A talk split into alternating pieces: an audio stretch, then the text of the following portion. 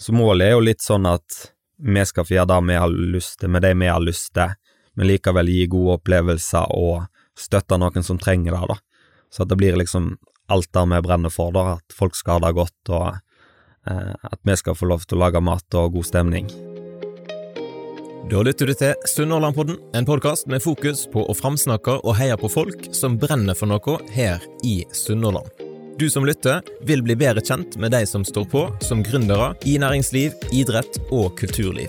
Målet mitt er at podkasten skal bidra til en framsnakkingskultur, bulyst og økt kjennskap til alt det spennende som skjer i Sunnhordland. Vil du vite mer om podkasten og hvordan du eventuelt kan bli en samarbeidspartner? Sjekk ut sunnhordlandpodden.no. Og jeg setter stor pris på om du er med og deler podkasten med noen som du tror kan ha glede av den. Nok om det. Her er dagens episode.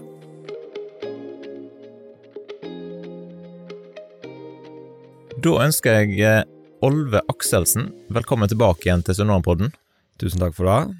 Kjekt at du eh, tok deg tid nå en lørdags eh, formiddag til å komme i studio her. Ja, nei, det var veldig kjekt at du hadde tid og mulighet til å ha meg her. Du var her i studio, vi tok vel opp i juli 2021. Det stemmer. Og episoden kom ut i august 2021. Eh, så hvis du som lytter nå ikke har hørt den, så kan du jo gå inn og høre på den episoden for så vidt. Da får du litt mer om Olve sin eh, bakgrunnshistorie, og masse, egentlig veldig en, en fin episode. Jeg hørte gjennom den i dag, jeg måtte sjekke liksom hva var det egentlig vi pratet om. Men eh, det var masse humor og fint der. Ja, nei, jeg var veldig fornøyd med den. Nå er det jo noe vi kommer til å snakke om litt senere. Men jeg vet at far min hørte veldig mye på den når han lå på sykehuset helt på, helt på slutten der. Så da, da var det veldig kjekt at han ja, litt, jeg ble litt stolt av at han virka stolt, eh, så det var veldig gøy. Og I den episoden så snakket vi om at du skulle ut i en konkurranse, det var liksom det som var fokus. Du skulle konkurrere i Årets unge kokk. Stemmer. Eh, og lå i hardtrening, rett og slett. Ja. Men ganske kort etter at den episoden kom ut, så skjedde det jo noe. Ja. Og ting gikk ikke helt sånn som planlagt. Hvis du tar oss med litt tilbake igjen til august 2021, eh, hva var det som skjedde? Det er jo ja, hvordan kan en begynne? Det er jo den tyngste tida i mitt liv, da. Jeg, eh, når vi spilte inn forrige episode, så hadde jeg jo en ganske sjuk far. Eh, far min eh, lå med kreft i eh, hjernen, så de kunne liksom ikke operere han vekk. Så vi fikk jo tidlig i diagnosen vite at mest sannsynlig var det dette som kom til å være hans eh, Ja, det som forårsaka hans død, da. Eh, men vi fikk aldri vite når. For da, du kunne liksom Ja, du kunne få tre måneder, du kunne få 15 år, alt etter som. Var vel kanskje ikke helt sånn de brukte ordlader, da, men ja. Det var sånn i hvert fall jeg tolka det på det tidspunktet, da. Eh, og vi visste jo det var alvorlig, og vi visste jo at det kom til å bli en tøff periode, og akkurat da eh, Ja, da kjempa han hardt, og dessverre så gikk det ikke veien. Så 17. august? 17. august, ja. Da døde far din 55 år gammel. Stemmer. Nei, det var en tung periode. Jeg satte jo hele konkurransen på pause. Eh, brukte mye tid på sykehuset, praktisk alt bodde der på slutten. Delte enkeltseng med mamma, sov med på stafett, så det var eh, Ja, nei, det var en tøff tid, men eh, samtidig en god tid. Jeg er veldig, veldig glad for at jeg satte livet mitt på pause, og det jeg trodde var eh, det viktigste i mitt liv, som var å være konkurransekokk på det tidspunktet. Da skjønte jeg veldig fort når ting gikk så gale som det gikk, da, at uh, det var ikke det som var det viktigste. Det var det jeg var glad i, og det jeg hadde rundt meg som betyr noe for meg, da. Og veldig glad for at jeg fikk den åpenbaringen før det var for seint. Var det en stund der du vurderte skal jeg eh, kjøre løpet ut med konkurransen og, og prioritere det? Eller gikk det helt uh... Nei, altså, jeg, jeg, fant jo fort ut at jeg måtte være der det skjedde mest i mitt liv, da. Så jeg tok meg jo pause, jeg permitterte meg fra jobb.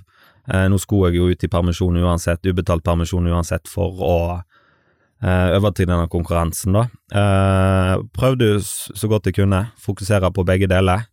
Men så ble det altoppslukende, rett og slett. Det å være hos pappa, da var jeg veldig, veldig glad for det. Men jeg husker jo det første jeg tenkte når han gikk vekk, var jo nå har jeg egentlig ikke tid til å sørge dette, nå må jeg bare komme i gang igjen med det jeg drev på med før. Eh, jeg husker, ganske sjukt å si, men jeg husker jeg sendte min første varebestilling eh, en og en halv time, to timer etter han døde, og vi skulle gjøre meg klar igjen til, til øving, da, et par dager senere i Stavanger. Ja, For da tenkte du at nå kjører du på igjen med konkurransen? Ja, nå, nå må jeg bare fokusere her, for hvis jeg ikke fokuserer nå, så kommer jeg aldri til å gjennomføre, tenkte jeg. Og for meg var det en veldig viktig del av mitt liv og min hverdag, og det var liksom, målet var at jeg skulle være best. Og det var liksom min måte, første steg mot, mitt, mot målet mitt, da, å vise at jeg er best. Men jeg klarte jo ikke det, da. Totalt vrak. Jeg husker jeg eh, skulle panere, panere et egg, fikk det ikke til.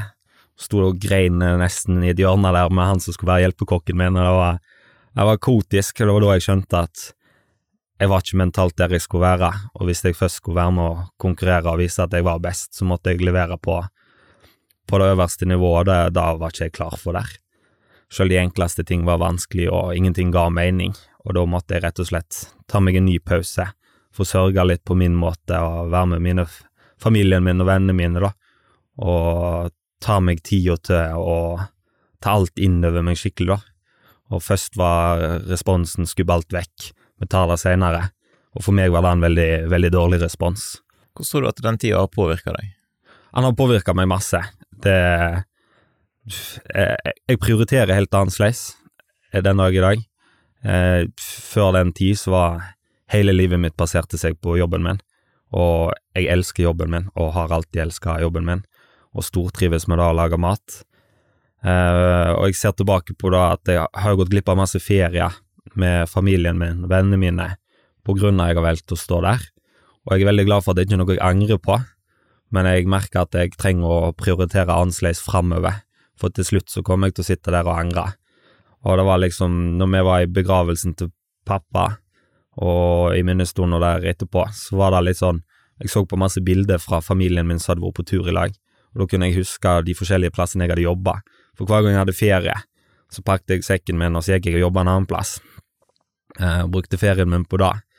Og jeg har fått så utrolig mye ut av det, og det var det jeg hadde lyst til og trengte da.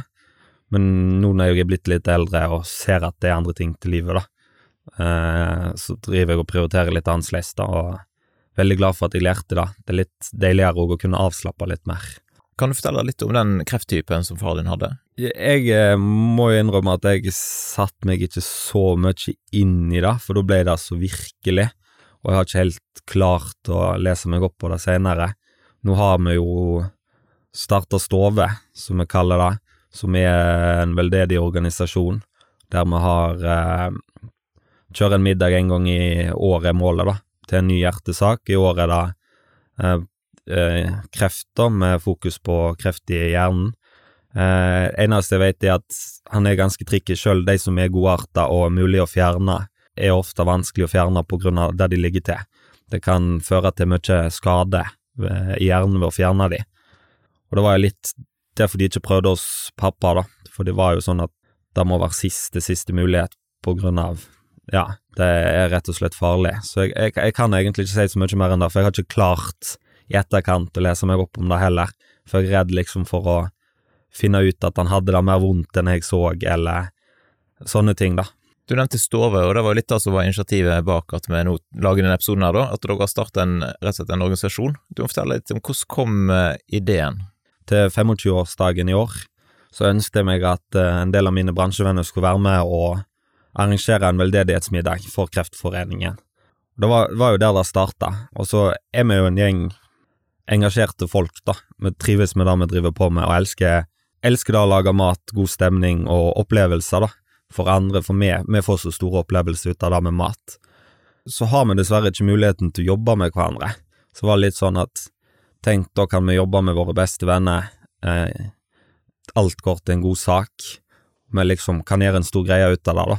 Så plutselig eh, balla det på seg, og det ble mye mer enn jeg så for meg at det skulle være, da. Jeg så for meg en middag, eh, samla litt folk, laga litt god stemning, og ja, temaet i år blir jo de gode minnene og opplevelsene, både i god helse og dårlig helse, er det jeg har valgt som tema i år, på grunn av jeg vil ikke at det skal være en trist happening, da. Jeg har jo lyst til at vi skal feire de gode minnene og det som har vært mitt fokus, da, i etterkant. Kunne sikkert fokusert mer på sykdommen og ting jeg gikk glipp av og han ikke var til stede på, for han var en travel mann. Men det er jo så mye viktigere for meg å fokusere på det som betydde noe, og de, den tida vi hadde i lag, og de gode minnene. Så det er vel starten på initiativet. Hvem er denne gjengen som du har fått med deg? Eh, Det det er jo bransjefolk, da, så det er jo, vi er jo en hel gjeng nå. Nå tror jeg vi er 14 stykker som eh, driver på og styrer på med dette her, da. Eh, en del av oss er kokker og folk som jeg har jobba med og møtt opp gjennom.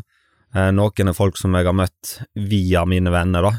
Så eh, mange av oss gikk jo jeg i lære med på Austevoll for eh, ja, sju år siden nå, tror jeg. Selv om jeg skifta læreplass pga. jeg trivdes ikke så godt å bo på Littløya og Austevoll, så det er de som jeg har hatt best kontakt med siden Så det er blitt min mi vennegruppe, da, og så er det litt folk ellers, da, men vi driver alle på utelivsbransjen og jobber på med det, da. Hvorfor valgte dere navnet Stove? Det som er greia bak Stove, da, eh, to dager før pappa døde, da har, fulgte jo jeg eh, år, så jeg har jo bursdag 15, han døde 17.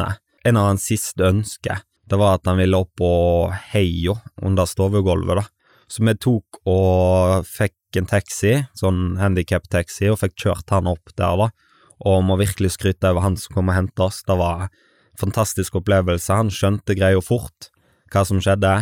Han kjørte så forsiktig og så bra, tok hensyn til oss, tok, lot oss ta den tida vi trengte, da. Og jeg husker vi, vi sto på toppen der, eller i hvert fall på heia på parkeringsplassen der, og bare så utover. Eh, og selv om det er den verste bursdagen i mitt liv, så er det òg en av mine beste, når jeg tar og plukker ut enkeltminner, da. Eh, så det er litt sånn Ja, det er den opplevelsen jeg har valgt å fokusere på etter flere uker med 24 timer i døgnet på sykehuset, da. Så det er den opplevelsen jeg har valgt å fokusere på. Det er den jeg husker sterkest. Mm. Som betyr eh, mest for meg. Og eh, favorittrommet hjemme i huset vårt, det er stua, eh, og den har jo pappa bygd. Så det er litt sånn Litt sånn flere ting som kobler inn på det, da.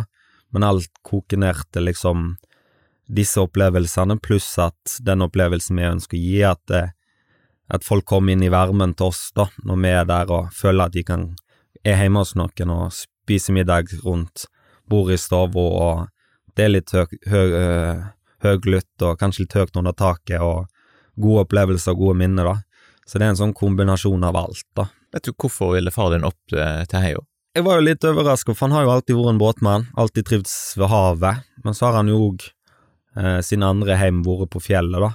Og vi har ei hytte der oppe som ble dømt helheimen etter noen leide av oss, og så var det en lekkasje, så de hadde en litt dårlig opplevelse når finværet på Stord kom, da, eller vestlandsværet kom. Så det Så jeg tror det er litt sånn at han har veldig mye gode minner med sin med oss der oppe, og sin familie, eh, far hans og sånne ting, da. Mm. Så han har jo alltid trivdes på fjellet, men jeg trodde jo egentlig at siden han har alt har dreid seg om hav, så trodde jeg det var der han hadde lyst til, da. Denne gjengen som du har fått med deg nå, hva er det dere ønsker å oppnå med prosjektet?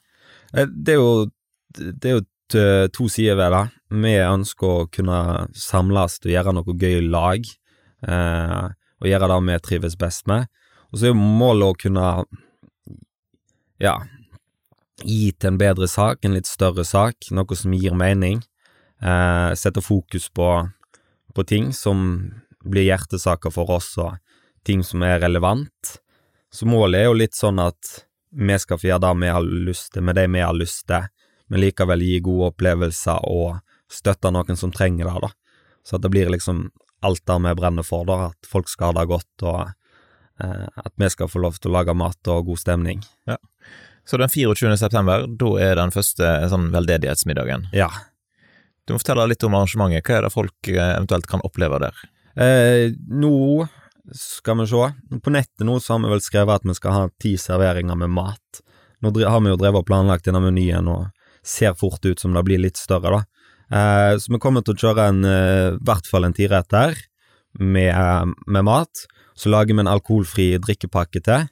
Eh, og så satser vi på å lage litt god stemning. Det kommer til å bli litt sånn Eh, vi kommer til å fortelle litt om hvorfor vi har valgt maten vi har valgt å lage, hva det betyr for oss. Litt av det relevante meg og min historie med pappa, og ting som han lagde til meg eller serverte meg når jeg var yngre. Så det er litt sånn ting som vi, vi trives med å spise i lag. Og så lage liksom en helaften som absolutt er verdt å få med seg, da. Eh, så da, da blir gøy. Hvor hen skal det være? Det blir på restaurant Aster, der jeg jobber til vanlig. Så det er i Bergen på Damsgård, rett ved Småpudden eller Lillepudden, jeg klarer aldri helt å lære hva de kaller den. Det er, så det er muligheter for eh, Ja, for jeg vet at det er en del for stort som kommer til å ta tur-retur. Det er jo muligheter til å kunne bo i Bergen, det er jo en by med masse muligheter til å bo. Men det er absolutt en opplevelse som er verdt å få med seg, hvis du spør meg, da. Hvor mange er det plass til på den restauranten? Vi har vel sett arrangementet på at vi håper på å ligge en plass mellom 30 og 50 stykker. Det kommer ikke til å bli mer enn 50, for da føler vi litt den intime følelsen forsvinner litt, da. Så målet er en plass mellom 30 og 50 gjester, og så lage en helaften, da, som du aldri kommer til å glemme, forhåpentligvis. Jeg forsto dere skal begynne klokka fire, Ja. og så skal det vare til elleve, Ja. sånn cirka. Så det er relativt Altså, helaften er jo bare forbokstaven. Ja, nei, det, det er jo Vi begynner da jo litt tidligere på dagen, så det skal være muligheten til å eh, Vi har jo valgt en søndag i, av to grunner. Det er jo for at folk skal kunne komme for de har fri, og så har vi fri. Det er jo eh, Vi er jo travle folk, og jeg eh, Det varmer veldig at de har vært så engasjert i mitt tiltak her nå, da. Eh, for vi er jo skal vi se. Vi, vi jobber jo mye. Det er et par av oss som jobber seks til sju dager i uka. mange av de dagene ligger mellom 10 og 14 timer. Eh, så det er folk som arbeider mye. Og da at de tar seg tid og har lyst til å være med det, på dette med meg, da, det betyr veldig mye for meg. Og så er det litt sånn, eh, ja, at det skal være muligheten til å kunne reise og komme hertil, oppleve det å komme seg hjem igjen, og at, ja, alle har fri, og at det er muligheten for flest mulig å stille, da. Hvordan har responsen vært da, når dere har delt arrangementet og, og fortalt om initiativet? Eh, responsen har vært bra. Det er jo fortsatt litt plasser igjen hvis vi skal fylle alle 50, i hvert fall nå når jeg snakker med deg nå. Vi håper jo vi skal klare å fylle opp da. Eh, vi har jo òg eh, starta en spleis der det er mulighet til å kunne støtte hvis du ikke eh, har muligheten eh, til å komme på middagen. Eh, så vi håper jo at vi skal få samla inn litt penger der òg. Og målet er jo gi mest mulig penger til det som er årets hjertesak, da. Som er. Eh, som er kreft, hjernekreft. Så det var en litt sånn spesiell eh, motivasjon for folk å gi eventuelt, så jeg. Ja, jeg eh, liker jo å tro at jeg er mer sporty enn jeg er, så jeg har jo skrøtt på meg at jeg skal springe en kilometer for hver tusende kroner vi samler inn. Så eh, sommerkroppen til neste år håper jeg, håper jeg er kommer til å være inn, innenfor rekkevidde. Ja, hvis du får inn 100 000 da, da blir det jo en, noen kilometer, 100 kilometer. Ja, Skal du ta alt på én gang, eller? jeg kommer nok ikke til å klare alt på en gang, jeg må være eh, innforstått med det. Eh, så det kommer nok til å måtte dele det litt opp. Jeg eh, Litt sjølskryt snika inn da. Jeg prøvde meg jo på helmaraton her. Eh, sprang på fem timer og tre minutter eller noe sånt.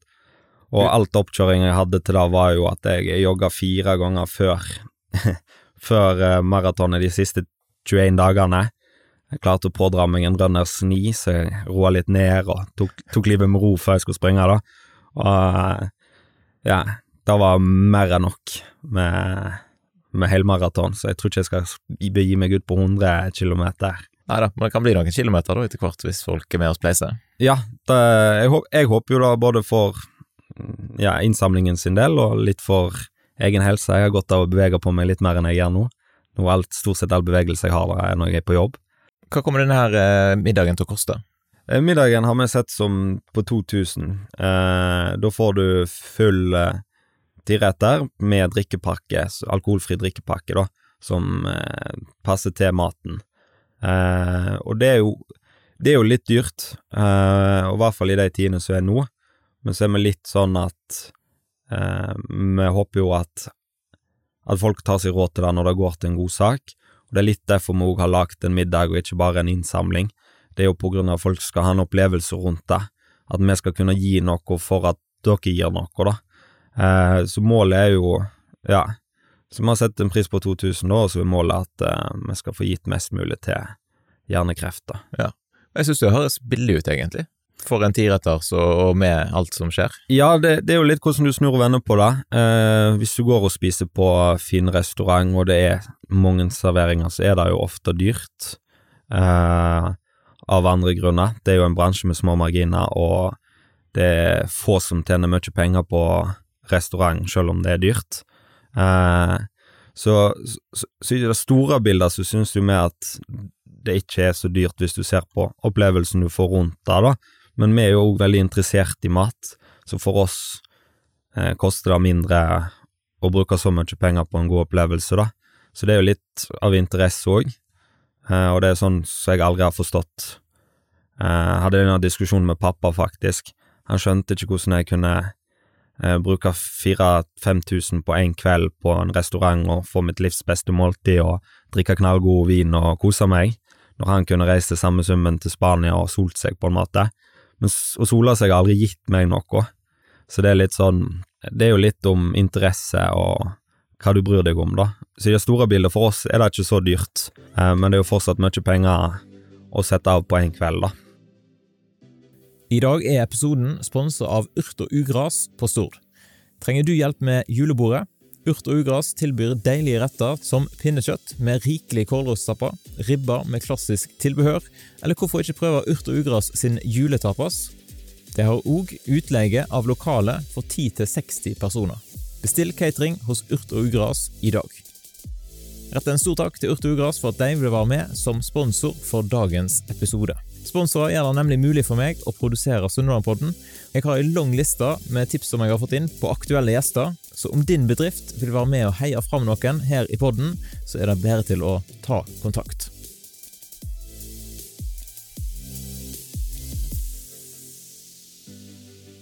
Jeg lurte på dette med at det er alkoholfritt. Er det noen grunn til det? Eh, det er flere grunner til det. Eh, det er jo litt sånn for at folk skal kunne ta tur-retur. Og så er det litt sånn eh, lover og regler i Norge, nå som jeg har valgt å ha det på min arbeidsplass. Så er det noe med skjenkeløyve, og det kan være komplisert, da. Pluss at vi går jo etter spons, så alt av råvarer og sånt prøver jo vi å få sponsa, og har veldig mye folk som er villige til å være med på dette, da. Og det er jo lover og regler på det med alkohol der òg, og gi spons og sånne ting. Så det er litt sånn for at mesteparten av pengene skal kunne gå der de skal, da. At vi skal slippe å handle inn alkohol. Det er lettere å få sponsa alkoholfritt enn enn det det er å få sponsa alkohol. Så vi tok rett og slett og Ja, det er flere grunner til det, da, og ja. en av grunnene er rett og slett at pengene skal gå der vi vil at de skal gå, da. Kan du si noe om disse ti rettene, altså hva, kan du avsløre litt hva som kommer? Ja, nå, nå, var jo jeg eh, den som var forkjemper for at vi skulle holde det litt hemmelig, så det ble, eh, ble en liten uh, overraskelse. Jeg syns det er veldig kjekt når jeg er ute at jeg ikke helt vet hva jeg får. Så er det noen som syns det er litt skummelt. Uh, men det blir en variasjon på kjøtt og fisk. Det blir uh, litt desserter og det som er. Det er noe jeg gleder meg veldig til. Jeg kan, kan si den ene desserten vi skal kjøre, da. Kan tenke meg gi en liten sånn teaser på det. det som var min favorittdessert som pappa lagde, da det var noe som heter russedessert, også kalt eh, som er rett og slett eh, saft som er en fromasj nesten lignende, da, lagd på saft og simyllegryn. Eh, så vi kommer til å kjøre en variant på den, og det gleder jeg meg veldig til. Vi driver og snakker om smakskombinasjoner nå for å gjøre den litt mer spennende enn det du får til vanlig, da, men det var liksom vår søndagsdessert hjemme hos oss når vi virkelig skulle kose oss, da.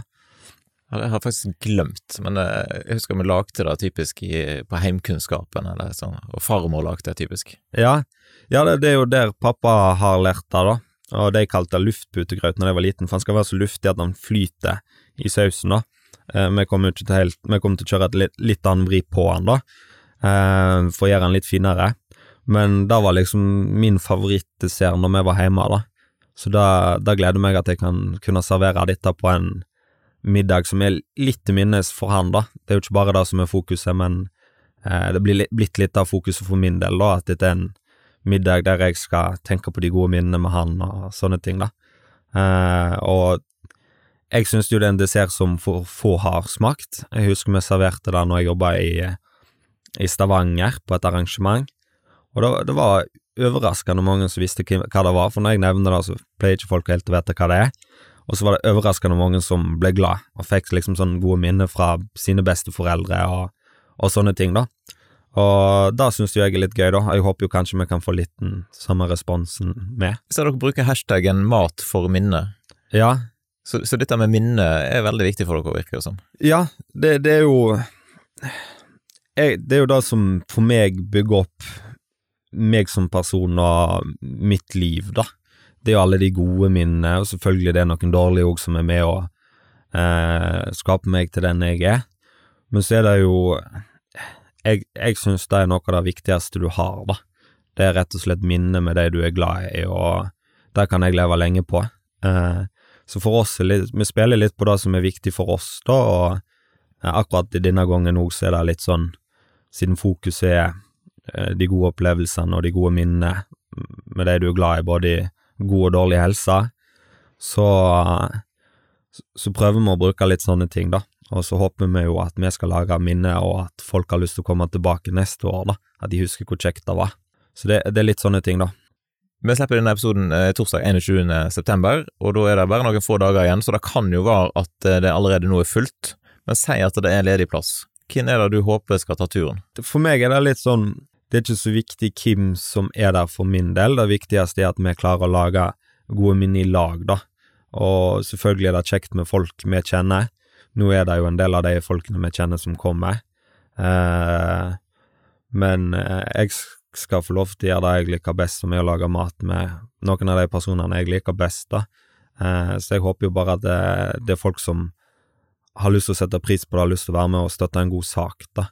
Så uansett hvem du er, så er du velkommen. Det er kom som du er, og så få en litt annerledes opplevelse enn det du pleier, da. Er det noen dresskode, forresten? Jeg har, vi har vel egentlig ingen dresskode, nei. Så det er kom som du er, og kle deg som du vil. Skjepelig, selvfølgelig. Trenger ikke å komme i bokseren eller sånne ting. Eh, ha på deg klær, men eh, ja, kom som du er. Og så blir jo ikke dette en engangshappening, dere kommer til å kjøre sånt hvert år framover.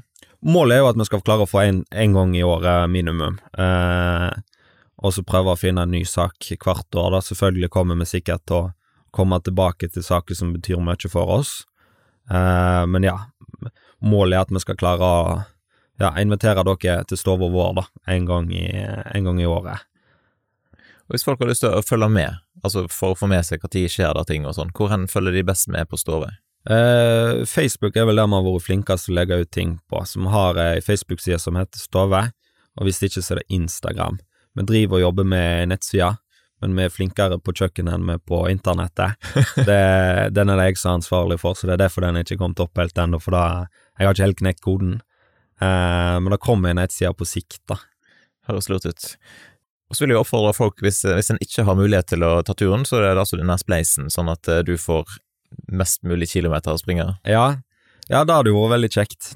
Eh, Det er jo litt sånn, når du har muligheten til å gjøre mer, da, så har du lyst til å gjøre mer. Og vi kunne helt sikkert fint sett oss fornøyd med å ha fulgt restauranten en kveld, men nå så vi muligheten at det finnes verktøy som gjør det lettere for oss å kunne bidra mer, da.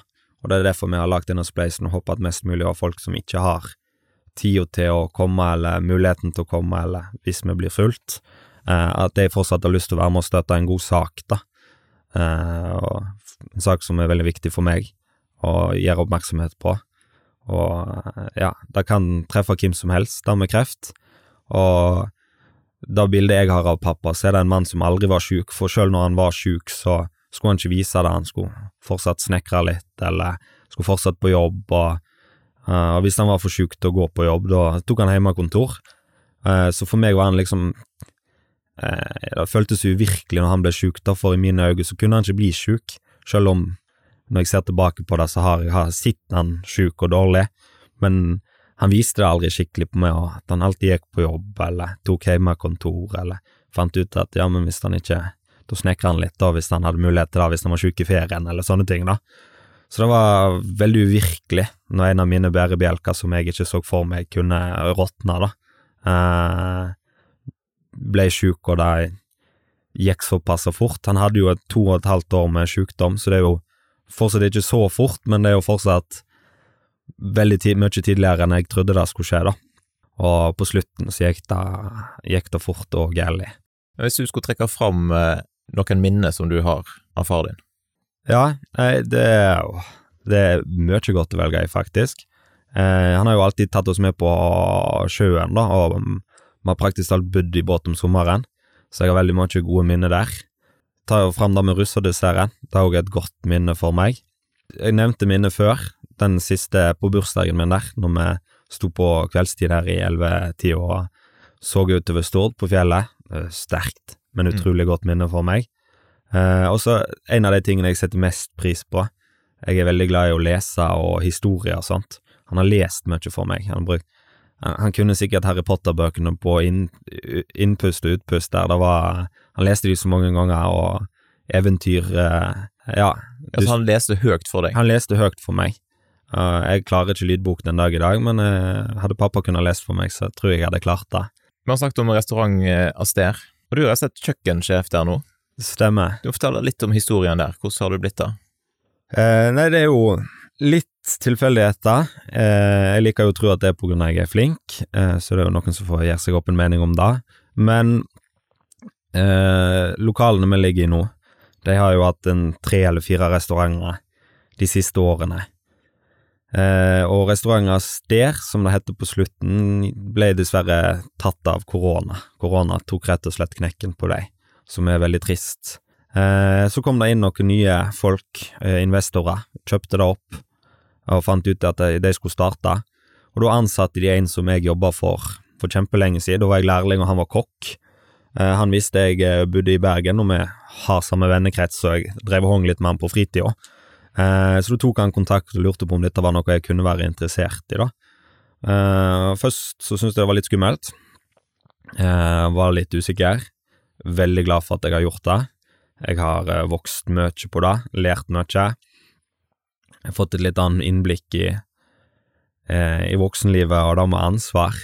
Jeg skal jo fortsatt lage mat og alle disse delene, men det, det kommer så mye mer med der, da. Og tenke litt mer økonomisk, eh, alle de vanskelige valgene og sånne ting. Så det, det er veldig gøy, og så elsker jeg da at jeg kan lage min mat, da. Det er første gang i mitt liv der jeg, jeg lager min mat. Jeg har lagd ekstremt mye god mat i mitt liv, men det har alltid vært på andre sine premiss, og nå er det liksom Så lenge jeg ikke sprenger budsjettet nå, så kan jeg faktisk gjøre hva jeg vil, og så, så lenge gjestene er fornøyd, da. Uh, så det er litt spennende. Nå kjører vi jo nesten utelukkende sjømat, som er en sjømatrestaurant. Uh, noe jeg syns er veldig gøy, og litt utfordrende. Uh, jeg syns jo det er kjekkest å spise sjømat, så det gjør det jo litt enklere. men jeg har alltid én kjøttrett på menyen, bare for å kunne tilfredsstille alle, da. Jeg ser dere har fått rimelig god omtale. Hvordan føles det? Åh, det føles fantastisk. Det var jo det jeg var mest redd for. At jeg skulle gå rundt der og tro jeg var flink, og skrøt på meg i flere år nå at eh, jeg er flink. Eh, helt sånn ydmykt. Eh, så så det, det, var veldig skummelt. Og jeg husker når eh, jeg visste at BT hadde vært hos oss, og venta på den anmeldelsen, som var veldig bra. Ja, jeg sov ikke skikkelig på to uker, sikkert. Det Var, ja. ja. Uh, men det er jo kjekt. Og så er det visste jeg jo at det jeg hadde servert, var det jeg hadde lyst til å servere, og at ting var så det skulle bli servert, for vi var ikke så travel den dagen. Jeg har veldig flinkt personal med meg.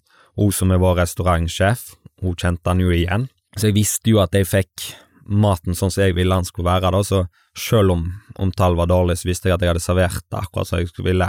Da var ikke problemet at vi hadde hatt en dårlig dag eller noe sånt, det var rett og slett problemet med maten min, eh, som jeg, jeg, har fått god tilbakemelding av folk flest som har vært og spist hos oss, da. Så det var Men det var veldig gøy, og er veldig gøy. Hver gang jeg leser en god omtale, så, så gjør det meg godt, og hver gang jeg leser en dårlig en, for de fins det òg, eh, så gjør det litt ekstra vondt, men så er det litt sånn eh, Du må velge hva du skal fokusere på, og selvfølgelig skal du ta til deg ta til deg den konstruktive kritikken som jeg velger å se på det som i de fleste tilfeller, det er jo litt hvordan de formulerer seg og hva de klager på, og hvordan du kan bruke det til å utvikle ditt produkt, da. Og eh, jeg er Vet ikke om jeg skal kalle meg sjenert, men jeg er alltid litt tilbaketrukken når det kommer til nye folk. Uh, og så når du først blir kjent med meg, så holder jeg aldri kjeft. Men uh, jeg bruker mye tid på å prøve å snakke med de som, gjestene våre som er der, da og spør hva de syntes var bra, hva de ikke likte, sånn at jeg kan utvikle meg og tilpasse meg flere, da. For uh, det tristeste som kan skje, er hvis, jeg, hvis jeg går rundt der og tenker fy flate, jeg lager god mat, og så det er ingen andre enn jeg som liker den. Sånn, Så det er litt viktig å huske å høre og tenke på alle de som skal få maten òg, da. Det er av og til vi har, vi har smakt på noe, og så sitter vi der, og så sitter jeg og sier ja, dette syns jeg faktisk var bra, og så har jeg alltid smaking med alle de andre òg for, eh, for at jeg ikke skal gå i mye bobler og bli litt låst inn i det, da. Eh, og så får det liksom sånn, jeg syns dette er for overdøvende, kanskje du skulle tenkt litt mer på den, det elementet, eller sånne ting, da, så jeg tar inn innspill fra de som er rundt meg, og bruker, bruker de rundt meg, da, for å lage den best mulige menyen, og det lærer jeg mye på.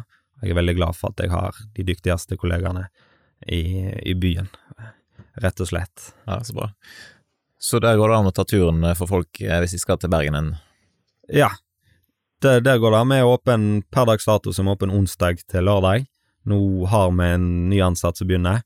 Da er vi nok folk til å kunne åpne en dag til, så da blir det tirsdag til lørdag. Eh, Du kan både komme inn og spise småretter i baren vår. Vi har en vinbar der det går an å bestille litt småretter. Du kan komme og ha la carte, at du kan velge hva du vil fra menyen, eller du kan en forhåndsbestille en femretter, og så får du det jeg har lyst på den dagen, da.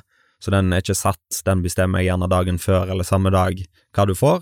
Så du kan gjøre en helaften ut av det òg, da. Ikke, ikke like bra som Stove kommer til å bli nå, men eh, du får fem serveringer og muligheter med drikkepakke sett, sett til da av eh, kanondyktige vinkelnere hos oss, da. Du må fortelle litt om hvordan ser livet ut da når du er kjøkkensjef? Er det du, du jobber ti timer i dager, liksom, eller hvordan Ja, det, det varierer jo litt. Jeg har prøvd nå å fokusere litt på mm, eh, Hadde en lang samtale med, med legen min, som sa da at det var viktig at jeg passet på egen helse nå når det ble så mye jobb. Så jeg prøver å ta meg fri når jeg har fri, og så prøver jeg å jobbe når jeg jobber. Men det blir fort ti-tolv timer enkelte dager, da. Nå har jo vi som et mål om oss, hos oss eh, at vi skal ha en arbe vanlig arbeidsmåned. Så langt så har det vist seg litt vanskelig, men eh, ja. Det, vi, vi gjør vårt ytterste for at det skal bli sånn, og det er litt derfor vi ikke har hatt flere åpningsdager, da, for at eh, meg og de andre ikke skal jobbe oss i hjel, da. Rett og slett at vi må være bemanna nok for å gjøre det. Så vi har liksom gradvis gått oppover. Eh, så jeg er ikke den som jobber mest i min vennegjeng, det skal ikke jeg skryte på meg, men jeg har eh, lange dager av og til, ja. Fortell litt mer om hvordan, hvordan ser dagen ut? Eh, dagen ser ut Som regel så står jeg opp om morgenen, spiser frokost og gjør meg klar til jobb. Er det fortsatt sånne her Price med syltetøy? Det, det er ikke så mye førsprangsspagetter med syltetøy lenger, heldigvis. Det er litt mer spennende nå. Eh, eh, så det varierer litt, eh, men eh, spis, prøver å spise en skikkelig frokost hver dag. Eh, så jeg er gjerne på jobb Målet er å være på jobb i to-tre-tida hver dag, og så stå kvelden ut, ferdig mellom elleve og tolv stort sett. Men jeg er sikkert på jobb mellom tolv og ett de fleste dager, da. Så lukter nok på ja, ti til tolv timer de fleste åpningsdagene, og så har vi en tirsdagen der jobber med litt kortere dager og gjør klar for resten av uka, det som kan gjøres klar på forhånd, da. Det er litt krevende sosialt, da, å ha en, ha en sånn eh, arbeidsrytme. Ja, nå, det er jo kanskje litt derfor jeg mesteparten av mine venner er bransjefolk, for da lever vi litt samme liv. Eh, har, jeg har jo en tendens til eh, å prøve å, eh, å gå litt ut på i helgene, på lørdagen. Da har jeg, eh, hvis jeg går ut, så har jeg liksom faste plasser å gå, og da vet jeg liksom mine venner kommer til å være der òg, så vi går på samme baren, og så når den er ferdig, og bartenderen har stengt ned der, så de stenger litt tidlig, eh, så går vi på neste bar, og da tar vi med oss bartenderne derfra, og så har vi en sånn da, så det blir litt sosialt da. Det blir ofte litt seint, men eh, det er sosialt, og så har, driver jeg de vennene jeg har, at vi prøver å eh, bruke fridagene våre på å gjøre sosiale ting i lag, da. En periode så gikk med tur hver søndag og gjør litt sånne ting, og går gjerne og plukker sopp, eller går i skogen og koker litt mat, og prøver, prøver å gjøre litt mer sosialt enn vi gjorde før, da. Men mat er fortsatt viktig. Mat er som regel fokuset på alt jeg driver på med. Når jeg reiser på ferie, så er det første jeg tenker på, hvor kan jeg reise for å spise god mat? Eh, hvis jeg har meg fri, så tenker jeg, hva skal jeg spise? Skal jeg hjem til mamma, så tenker jeg, nå skal jeg ha mamma sin pizza, så da prøver jeg å bestille det hver gang jeg skal hjem. Så det er stort sett mat som er første tanken når jeg står opp, og siste tanken når jeg legger meg eh, hver dag. ja. Yrkesskade. yrkesskade, og det er derfor jeg trenger å springe. ja, så folk må bare putte masse penger på den spleisen, sånn at det blir noen kilometer, Ja, tenker det. rett og slett. I siste episode så snakket vi om konkurranse. Ja. Har du noen framtidige konkurranser på gang, eller? Jeg eh, hadde jo en ganske dårlig opplevelse med forrige konkurranse. Eh, litt med da med pappa, eh, litt med arrangørene når jeg trakk meg og sånne ting. Så jeg har fått litt avsmak på det, men hvis Men jeg har lekt litt med tanken om at NM hadde vært kjekt en gang. Prøvde å være med, med der. Eh, det er jo ikke den største konkurransen i Norge, men han er en av de større. Eh, så det hadde jo vært veldig gøy. Men jeg er Syns det er veldig gøy å delta og hjelpe og være med. Så nå eh, håper jeg jo at det skal være litt mer bergenskokker som konkurrerer, så jeg kan bruke litt tid på å hjelpe dem å skinne, da. At jeg kan være med å skrelle litt poteter og løk og smake på ting og stå oppvask og være med på hele opplevelsen og det som trengs fra min side, da, og så bygge opp andre da til å konkurrere og levere bra. Så nå er for eksempel jeg på vei til Stavanger og skal se på Årets kokk og Årets unge kokk. Den er i morgen, eh, mandag 18. Eh, nå har ikke jeg fått vært med på lagene til noen, men jeg kjenner så å si alle som er med og konkurrerer. Eh, så jeg gleder meg til å se og heie og møte bransje igjen, da. Men per dags dato så ser det ut som det er lite konkurranse framover, men jeg har lekt med tanken med NM nå når det kommer til neste år. Nå er det sånn at episoden i dag den var sponsa av Urt og Ugras. Hvordan er din relasjon til, til den maten som de har?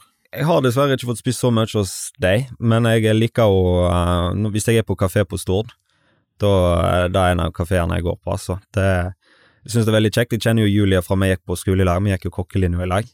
Eh, så, så meg og hun går jo et lite stykke tilbake. Superdyktig. Jeg syns det var veldig tøft av deg å åpne, i, åpne på Stord. Og jeg husker jeg hadde en samtale med henne før, før hun åpna, der jeg var, eller de åpna, da. Der jeg var litt sånn Dette hadde ikke jeg tørt. Eh, så jeg syns det er veldig stilig, og det virker jo som de får det til. Kun hørt positivt om de, og det jeg har opplevd på kafeen deres med smoothiene og de påsmurte bagettene deres, er, er bra. Så det, jeg syns jo det er kjekt at de får det til, og syns det er kjekt at de vil være med og sponse episoden. Hvis jeg skal ha meg en kaffe når jeg er på Stord, så er det der jeg går. I siste episode så snakket du litt om at kanskje du skulle komme tilbake til Stord og starte opp ting. Ja, Hvordan ligger de planene an? per dags dato så ser det ikke så bra ut. Nå trives jeg veldig godt der jeg er. Jeg trives godt i Bergen, selv om jeg har sagt i alle år jeg skal aldri bo i Bergen. Så med det første blir det nok ingenting der, men jeg er interessert i å gjøre arrangementer og sånn på Stord. Det synes jeg høres gøy ut. Å kunne, ja, gjøre sånne ting. Så da, da hadde det vært gøy. Yes. Vi har nevnt eh, Stove, at folk må inn og følge der. Hvis de har lyst til å følge med på deg, eh, har, du, har du tatt eh, nye steg i sosiale medier-verdenen, eller? Jeg, jeg fortsatt jeg driver og lærer meg sosiale medier. Jeg hadde kurs nå for ikke så lenge siden. Igjen. Da, ja, så da er jeg lovende for eh, gutt på 25 år. Eh, men jeg prøver. Så Olvax på Instagram er vel der det skjer mest. Så jeg prøver så godt jeg kan, men eh, Ikke opprette noe sånn kokketing på TikTok. Ikke oppretta jeg, hold, jeg, jeg bruker Instagram TikTok, ja, men jeg bruker ikke vanlig TikTok, så jeg har ikke det. Da kommer jeg til å bruke altfor mye tid på det. Så jeg prøver liksom å sone ut litt da med sosiale medier og fokusere på det som er viktig, da. Så jeg har jo sett sånn sperre på min telefon på sosiale medier, så jeg har 25 minutter eller 20 minutter med Instagram hver dag, og så har jeg 15 minutter med Facebook, og det er det jeg har tilgjengelig, da. Det er jo genialt. Jeg visste ikke at det gikk an engang, men eh, Jo, du kan sette sånn Jeg tror det er inne på foreldrekontroll på telefonen, så jeg brukte lang tid på Google på å finne ut av det. For jeg hadde en tendens til å ligge og scrolle om morgenen og eh, ikke få gi meg en skikkelig frokost når jeg skulle på jobb. Og da fant jeg ut at da må jeg ha Det er ikke så mye nyttig som kommer ut av det. nei, smart, rett og slett. Ja, men bra. Vi sier tusen takk for at du tok turen i studio. Håper du får med masse folk eh, på Stove, og så eh, håper jeg at folk blir med og spleiser. Takk for at jeg fikk komme. Jeg håper jo at jeg ser mest mulig folk eh, på arrangementet, og at jeg får springe lengst mulig. Takk for at du lytta til dagens episode av Sunnhordlandpodden. Og har du lyst til å gi en tilbakemelding, så er det kjempestas om du sender en melding enten til meg eller til eh, gjesten som jeg hadde med meg i dag. Det er alltid inspirerende å høre ifra deg som har lytta til episoden, hva du syns. Har du lyst til å gi podkasten en vurdering i Apple Podcaster eller noen stjerner på Spotify, så setter jeg òg stor pris på det. Har du kritikk og konstruktiv tilbakemelding, så er det jo kjempestas om du sender en e-post til f.eks. post etter sunnhordlandpodden.no. Hvis dette var første gangen du lytter til podden, så håper jeg da at du har lyst til å sjekke ut eh, flere episoder i arkivet. Det er så mange gode folk fra Sunnhordland som har vært innom studio og delt om det som de brenner for. Og Jeg håper da at du har lyst til å slå følge med podkasten i sosiale medier. Du finner oss på Instagram og på Facebook. Det er òg veldig flott om du har lyst til å sende inn ønsker og tips om personer som du mener bør være med i podkasten framover.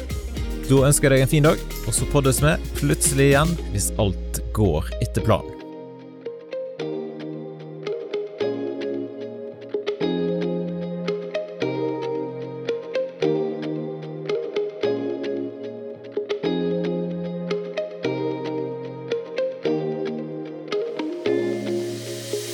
Podkasten er produsert av Kjetil Fyllingen.